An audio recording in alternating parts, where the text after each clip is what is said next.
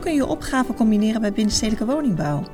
Binnen het programma Stedelijke Transformatie horen we regelmatig die vraag, maar we zien ook dat er bij een aantal gebiedstransformaties al een integrale aanpak wordt gehanteerd en dat verschillende opgaven samenkomen. In dit luisterartikel geeft Maarten Hoorn een aantal aanbevelingen op basis van die ervaringen. Dat doet hij aan de hand van concrete praktijkvoorbeelden. Ik geef het woord aan Maarten. Opgaven combineren bij binnenstedelijke woningbouw. Verdichten vraagt secuur maatwerk en samenwerking. Binnenstedelijke woningbouw is op zichzelf al een grote en complexe opgave. Daarnaast staan andere onderwerpen als betaalbaarheid, de energietransitie, klimaatadaptatie, duurzame mobiliteit en een gezonde leefomgeving hoog op de agenda van gemeenten. Combineren van deze opgaven is niet makkelijk en kan leiden tot bijna eindeloos stapelen van ambities. Dat maakt een project complex, vaak met hoge kosten of vertraging tot gevolg. Uit een peiling onder deelnemers van het programma Stedelijke Transformatie blijkt dat de goede kwaliteit van de leefomgeving de meeste kopzorgen baart. Meer nog dan wet en regelgeving of financiën.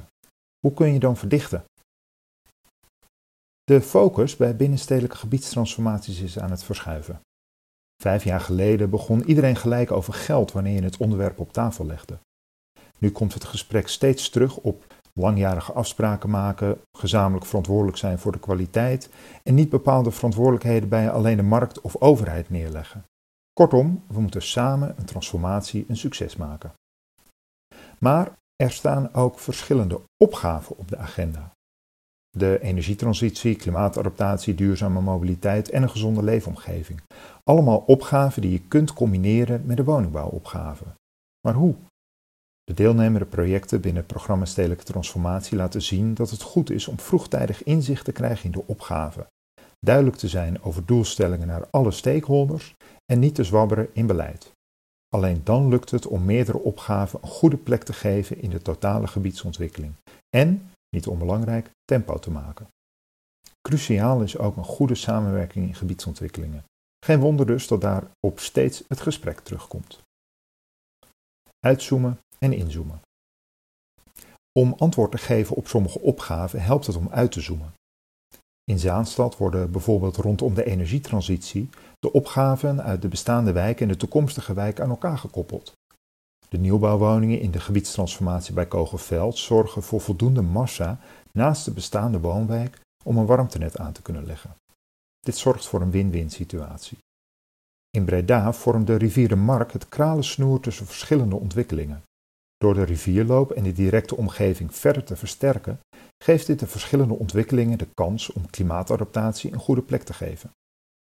Bijkomend voordeel is dat de mogelijke inzet van aquathermie kansen biedt voor de energietransitie. Door opgaven aan elkaar te verbinden kun je proberen om financiën te combineren. Voor waterbergingsmaatregelen of verduurzaming zijn immers aparte potjes. In andere gevallen is inzoomen de betere oplossing. Rondom klimaatadaptatie gaat het over de grote watersystemen, maar je moet ook op perceelsniveau kijken naar de juiste oplossingen.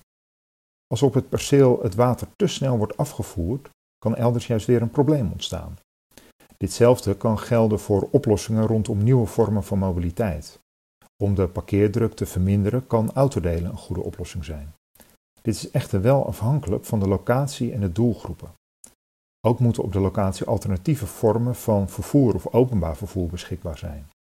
En bedenk ook, niet alle toekomstige bewoners gaan van de autodeelconcepten gebruik maken. Dat betekent dat je naar het totaalconcept moet kijken en dat echt specifiek moet maken voor die plek. Doelstellingen formuleren. Het formuleren van duidelijke doelen op maat gemaakt voor een bepaald gebied zorgt dat de gemeente en de ontwikkelaars weten waarmee ze rekening moeten houden. Daarbij is het nodig om helder inzicht te hebben in de opgave. Gezondheid of klimaatadaptatie zijn bijvoorbeeld abstracte onderwerpen. Wat bedoel je precies? Gaat het bij gezondheid om de hoeveelheid fijnstof in de lucht, de mogelijkheden om te bewegen of juist om de sociale interactie? Utrecht formuleert per locatie en gebied voor gezondheid de precieze opgave. Een belangrijke les is om niet zelf de oplossing te geven, maar juist het gesprek te voeren over het doel. Daar voeren ze het gesprek met bewoners, de raad en andere partijen om scherp te krijgen wat op een bepaalde plek belangrijk is. Dat kan stilte zijn of juist ontmoetingsmogelijkheden. De markt is vervolgens heel goed in staat om hierop in te spelen en met goede voorstellen te komen. Wacht dus met te snel te denken in oplossingen of die als ijs mee te nemen. Dan wordt een opgave onnodig complex en maak je het soms onmogelijk om opgaven te verbinden. Geef liever ruimte aan de eigen verantwoordelijkheid en appelleer aan het oplossend vermogen van de ontwikkelaar. Dat stimuleert hen om tot optimale innovaties te komen. Voorkom schommelingen. Timing is ook een niet te onderschatte factor bij gebiedstransformatie. Aan het begin van een ontwikkeling moet de opgave scherp zijn. Het later aanpassen van de doelstellingen maakt een ontwikkeling alleen maar complexer. Dit vraagt om lef en doorzettingsvermogen. De maatschappij verandert in sommige gevallen sneller dan dat een gebiedsontwikkeling gerealiseerd kan worden. Toevoegen en heroverwegen zorgen in de praktijk voor vertraging.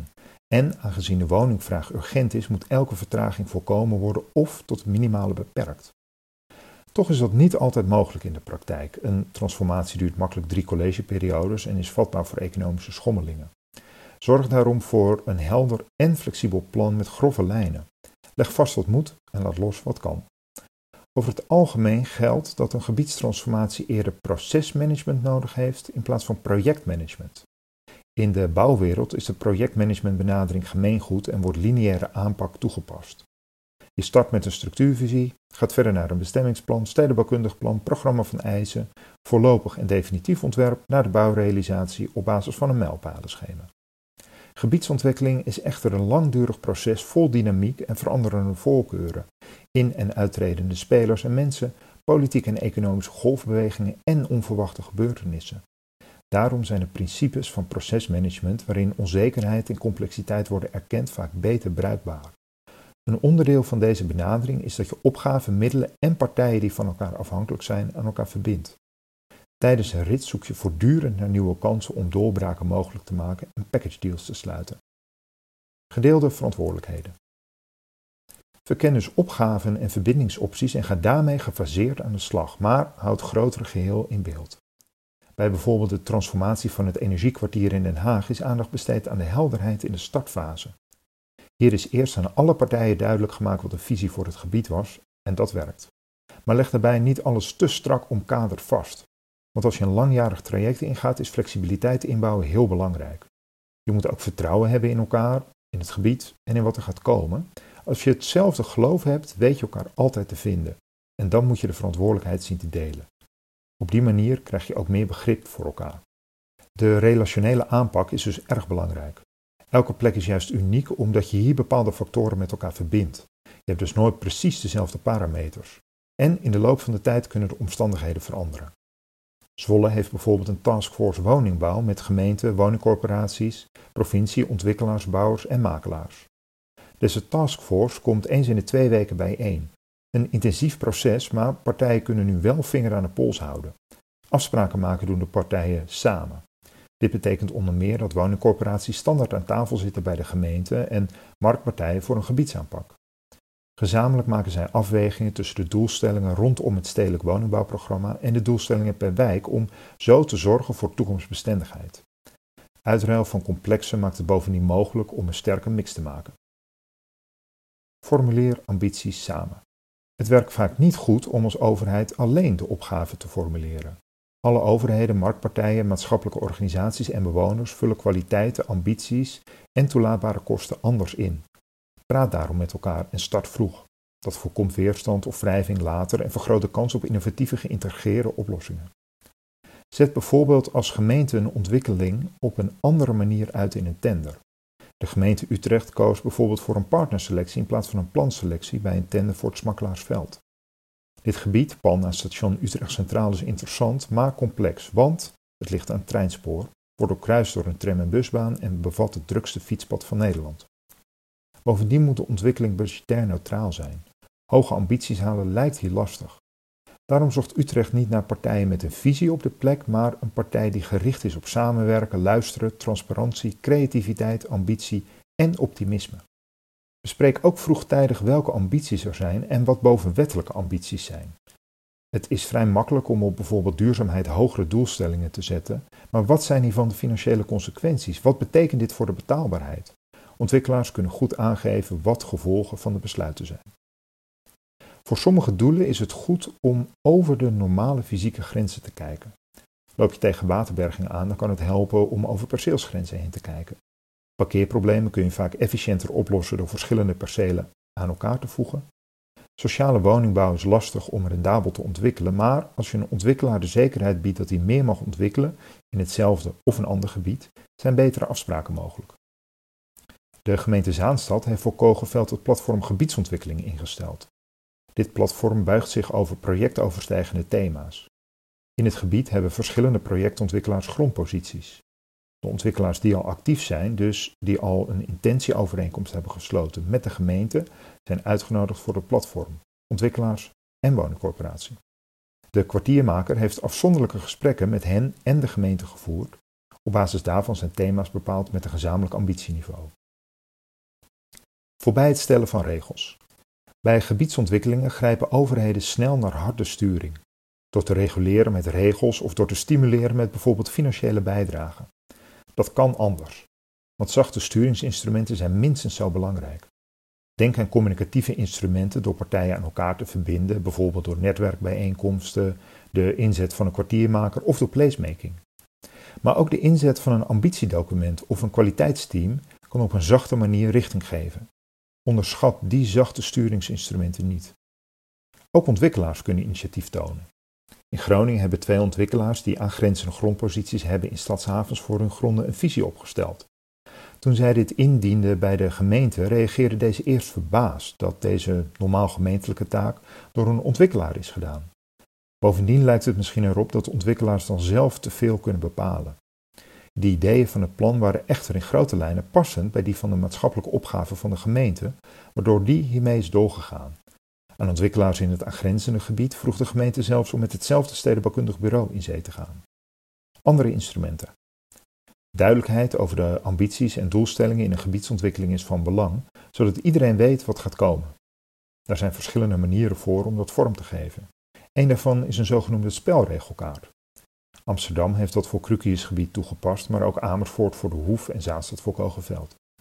Hiermee schep je heldere en overzichtelijke kaders voor alle betrokken partijen.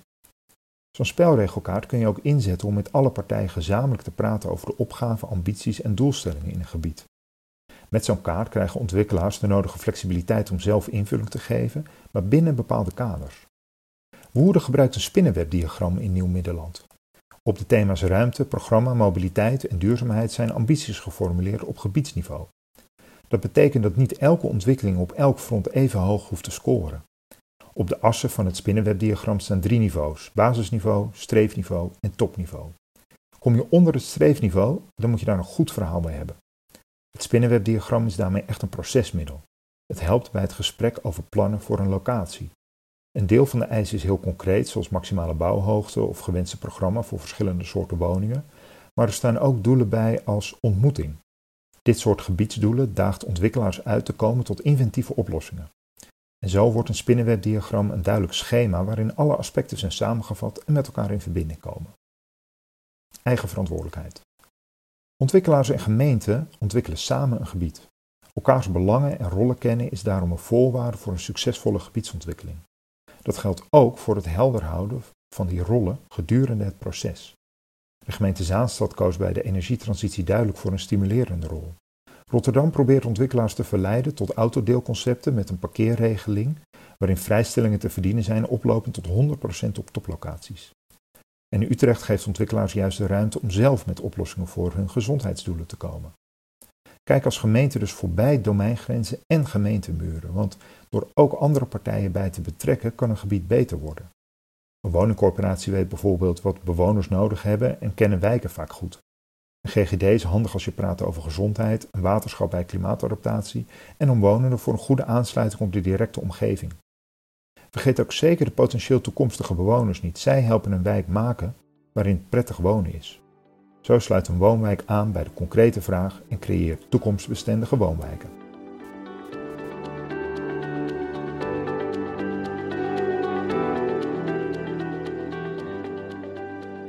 Dit luisterartikel is gebaseerd op de ervaringen binnen het programma Stedelijke Transformatie. Het programma is erop gericht om binnenstedelijke gebiedstransformaties te versnellen, om zo woningbouw te realiseren. Het is een samenwerking tussen verschillende overheden en marktpartijen. Wil je nog meer profiteren van de ervaringen van deelnemende projecten? Kijk dan op www.stedelijketransformatie.nl.